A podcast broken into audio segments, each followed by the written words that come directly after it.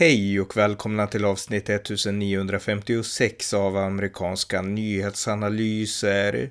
En konservativ podcast med mig, Ronny Berggren, som kan stödjas på swishnummer 070-30 28 95 0.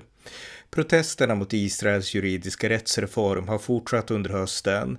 Här följer ett nytt samtal med Martin Blecker, före detta generalsekreterare för vänskapsförbundet Sverige-Israel, som här berättar om hur en ny höger kan komma att resa sig ur askan. Varmt välkomna! Martin Blecker, välkommen! Du skrev en mycket intressant artikel på Bulletin för några dagar, veckor sedan och den handlar då om Israels omtalade juridiska reform. Vi har ju poddpratat om den tidigare, men det är så här att den här reformen har verkligen inte gått smidigt och det är stora protester i Israel och du skriver här om att den här reformen kan innebära att eh, högeridealismen dör, men att något nytt föds därefter. Kan du berätta lite grann om dina tankar kring allt som har hänt på den senaste tiden? Ja, alltså det är ju så här att eh, högern vann ju eh, det israeliska valet. Och, eh, men det man såg var att det var en ny form av höger som, eh, som kom upp. Och det är ju en, en, en konsekvens egentligen av föregående regering då man tog in eh, eh, eh extremvänstern och eh, och eh, Muslimska brödraskapet i form av att hålla Netanyahu och högern ute i Israel. Man kan förstå israelisk politik som så att ända sedan 92 eh, så har det funnits en solid högermajoritet eh, bland de israeliska väljarna men man har alltid samarbetat mellan blocken och det har alltid inneburit att det har funnits ett liberalt parti eller ett centerparti eh, i samarbete med, med högern då för att balansera upp. Och eh, Netanyahu har styrt, styrt Israel så pass länge så att eh, han har ju skapat både vänner och fiender eh, internt och externt. Och det här är ju lite som söndra och härska, att han har på ett skickligt sätt manövrerat ut sina motståndare. Eh, så att de har ju bestämt sig för att förena sig mycket mot Netanyahu men mindre mot hans, hans politik. Därför att den har varit lyckosam. Men, men konsekvensen har blivit så att 50 procent har, har, har, inte velat samarbeta med Netanyahu och då har han tvingats söka stöd till då, eh, eh extrema kanten på samma sätt som vänstern har gjort på andra sidan för att hålla Netanyahu ute. Ja, men det var dit jag tänkte komma, alltså vänstern, de eh, från den här eh, höger-center-koalitionen från 90-talet, oavsett vilken regering som har styrt, så sökte vänstern, eller vad man nu säger, centern då kanske, stöd från extremist-vänstergrupper, och även, jag menar, du nämnde Muslimska brödraskapet, och det gjordes bara för att få, få bort Netanyahu, och nu senast när han kom tillbaka till makten så gjorde han samma sak på högerkanten, alltså tog stöd av de här mer höger, alltså fel ord, men alltså de här mer extrema partierna på högerkanten. Kan man, kan man säga så? Så att alltså båda, ja, båda sidor har sökt sig åt sina egna respektiva extremkanter. Absolut, och eh, problemet är ju till stor del att Israel har ett väldigt dysfunktionellt valsystem.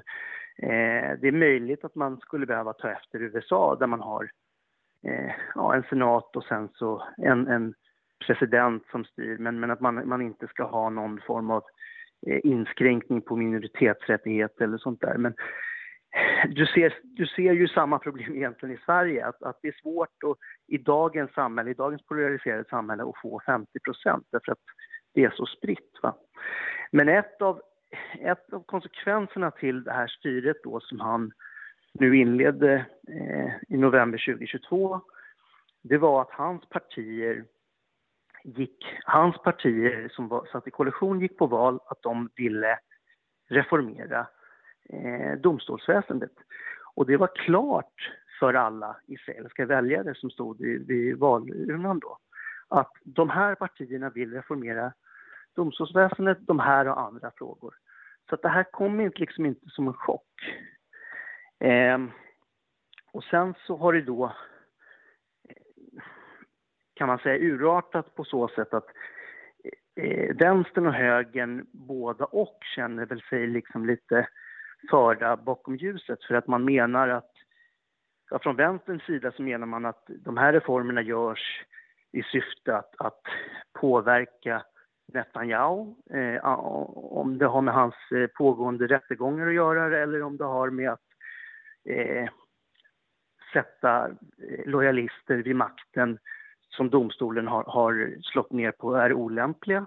Eller så från högern så har man ju eh, menat att ja, men, eh, ja, alltså domstolen har liksom tagit över mer och mer beslut som den exekutiva makten egentligen borde ansvara för.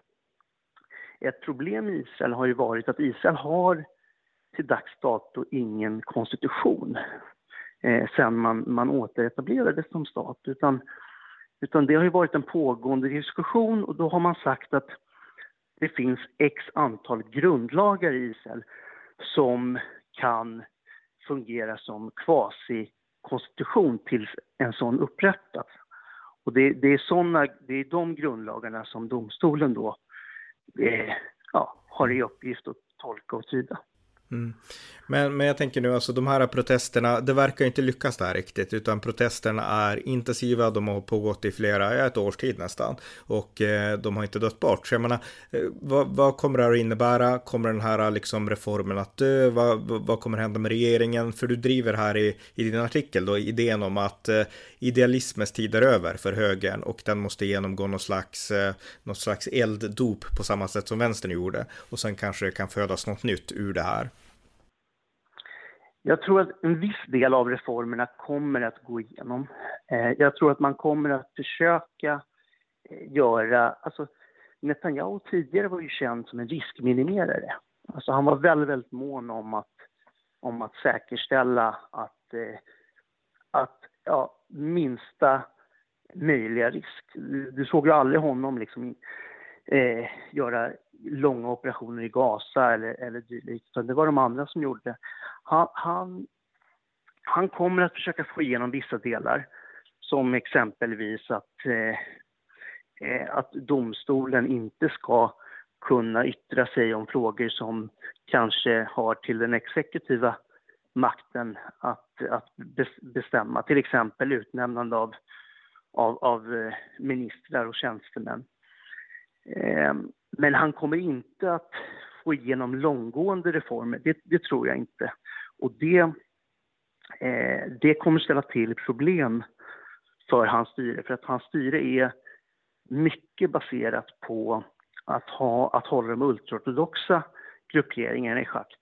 Och får de inte igenom sina krav på en reformering av doms, om domstolen, till exempel i frågan om undantag för militär värnpliktstjänstgöring, mm då är ju risken att hans, att hans koalition eh, kommer att falla.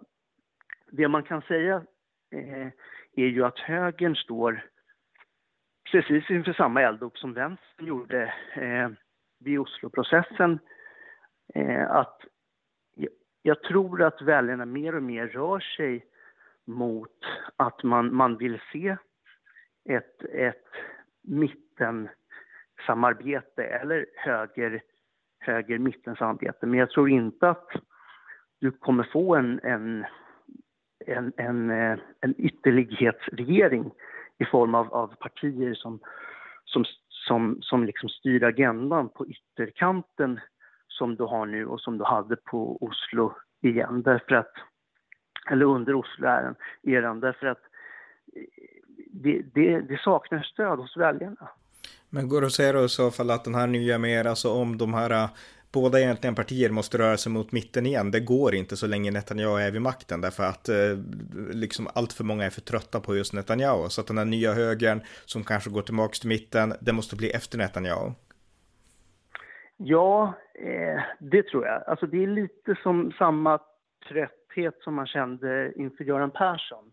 Eh, om det var 2006 då, då Alliansen bara gick enad, enad front. Och det var ju ingenting att det var ingen som hade misströstan och misstro på Göran Perssons kompetens, utan han var ju fullt kompetent och, och mer därtill. Det var mest det att man, man var trött, man såg honom som, som bufflig, man såg honom som dominant och maktfull och att han hade styrt för länge helt enkelt. Och det blir ju, det blir ju en konsekvens eh, i dagens samhälle. Mm. Som så. Ja, eh, men jag tänker också det här som hänt nu, för det här är intressant och det li ligger ju längre fram då, ser den här nya högern växa fram då, liksom efter idealismens era. Men eh, här och nu, jag menar, av de nyheter man kan se så verkar Israel otroligt splittrat. Det här har verkligen liksom blottat alla slitningar i det israeliska samhället och för är man intresserad så kan man ju se det här från Sverige. Alltså hela världen kan se det som händer i Israel nu. Så att hur pass eh, mycket skada har liksom Israel som samhälle, liksom sammanhållning i taget av, av, de här, av det här året? Jag skulle vilja lyfta, vända på det och säga att det här är, det här är fantastiskt. Alltså det, det är ju alltså du har varje vecka hundratusentals människor som, som manifesterar och demonstrerar mot någonting. Och eh, det här, jag tror att det är inne på 37-38 veckan. Och alla, alla belackare som kallar Israel för auktoritär regim eller att man är, man är bort från liberal demokrati. Det här är ju vad liberal demokrati handlar om. Alltså vi har ju vi har gängskjutningar varje dag i Sverige och ingen demonstrerar. Och, och, så har det varit i liksom ett halvårs tid, ett års tid, om, om inte längre. Och jag tycker att det här är det, jag tycker att det här är själva kärnan av en demokrati, att man liksom det är, varje, det är varje vecka som det håller på. Sen vet man ju inte om, om de här dem, eh, manifestationerna eller demonstrationerna är mot reformen eller om det är mot Netanyahu eller om det är mot det ena eller det andra jag tror bara att det här är ju ett tecken på att, att, att vi rör oss eh, mer och mer mot, mot ett sånt samhälle eh, där det här kommer vara mer och mer vanligare även i västvärlden. Mm. Så, så att, eh, men, men jag tänker jag ändå... det här är nog en, ett jättestyrka för Israel.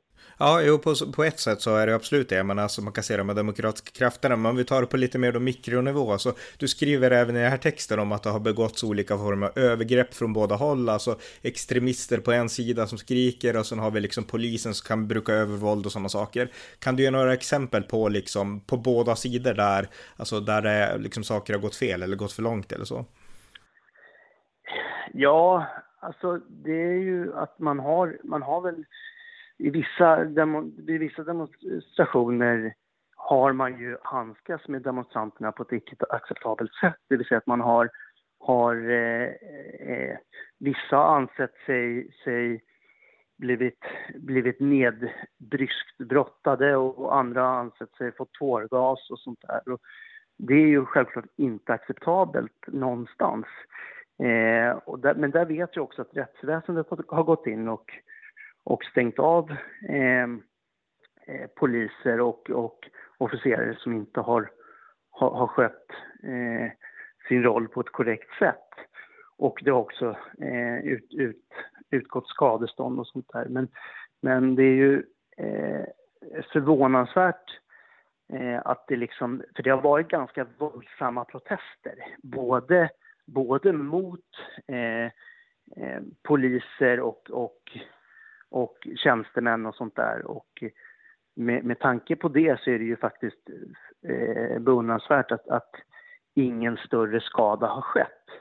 Eh, men det, det jag la, la vikt och tyngdpunkt i min artikel, det var ju att eh, med, med utgångspunkt för den här koalitionen som han har, som Netanyahu tvingats bilda, så har det ju funnits en konsekvens av det har varit att det har extremister då i hans koalition har uttalat sig på ett helt obegripligt och oförsvarbart sätt. Eh, både mot, eh, mot palestinier och, eh, och, och, demonstranter. Och det är det jag menar är... Eh, jag tror att man ser det nu som en följd att hans koalitionspartier eh, störtdyker. Mm. Likud gör det inte, men, men, då, då, men hans koalitionspartier på den yttersta högerkanten störtdyker och det blir liksom lite eh, som Oslo egentligen, där arbetarpartiet förlorade sin makt efter eh, och aldrig kom, kom tillbaka. Så då hade ju arbetarpartiet styrt sedan eller de israeliska socialdemokraterna om man så vill, hade styrt statens grundande. Nu tror inte jag att det kommer hända Likud, men, men det man har, sett när de yt, eh, ytterhögern störtdyker, det är ju att mittenpartierna tar de rösterna. Och det är därför jag tror att vi kommer mot en centralisering av Israels politik. Mm, mycket intressant. Eh, som sista fråga då, så finns det någonting här, för jag menar det är viktigt att i den här situationen, jag har inte följt den svenska bevakningen av det här på sistone, men eh, hur, hur, tycker du nu att Sverige här och nu liksom bör förhålla sig till det som händer i Israel? Som avslutande fråga. Jag tycker Sverige ska förhålla sig eh, avvaktande och se vad som, vad som utspelar sig nu i, i den juridiska processen i Israel. Eh, man, man, har, man försöker eh, driva igenom en reform. Man har, man har haft eh, eh samtal med, koalitionsparti, med, med oppositionspartierna som, som eh, gav vissa, vissa eftergifter på båda sidor men sen bröt samman. Men vi får se om, om det är bara en viss del av reformen som har gått igenom som man nu eh, har börjat. Och eh, vi får ju låta domstolsväsendet i Israel ha, ha sin gång. Va? Och eh, när de väl kommer med ett utfall då, då kan ju omvärlden ta ställning. Men det finns ju ingen, det finns ingen skäl till att, till att ta ställning eh, och, och föregå den israeliska domstolsväsendets prövande i frågor. Nej. Och sen som allra sista fråga, alltså säkerhetspolitiken i Israel, för Israel lever ju ständigt under ett hot, ett indirekt hot eller mer direkt hot, det finns hot från Hamas, det finns hot från, jag menar, grannländer och så här. Eh, de här inrikespolitiska motsättningarna, alltså det påverkar inte försvaret eller någonting, utan alla är ändå enade om att backa upp liksom IDF och så vidare, eller? Ja, nej men så är det ju. Så är det ju och eh, du ser ju nu att nu är det ju också eh, närmande med Saudiarabien. Eh, mm. Vilket alla, eh, alla trodde var omöjligt. Liksom. Alla har ju köpt den här, eh, den här devisen att det inte ska vara någon fred eh, med, mellan arabländer och Israel förrän den palestinska frågan är löst. Och det bröts ju med Abrahamavtalen. Och man går vidare nu med, med förhoppning om att eh, få ett fredsavtal med, med Saudiarabien. Så att, så att det här är ju en fråga som, av, av väldigt många andra frågor i Israel. Eh, och, och, det är väl det som är, är liksom Israels både välsignelse och förbannelse. Att, att det fokuseras på vissa saker medan andra saker utelämnas. Men, men Israel går ju livet vidare, mm. som i alla andra länder. Ja. ja, mycket intressant. Så tack så mycket Martin. Tack för att ni har lyssnat på amerikanska nyhetsanalyser, en konservativ podcast som kan stödjas på swishnummer 070-30 28 95 0 eller via hemsidan på Paypal, Patreon eller bankkonto. Skänk också gärna en slant till valfri Ukraina hjälp. Allt gott tills nästa gång.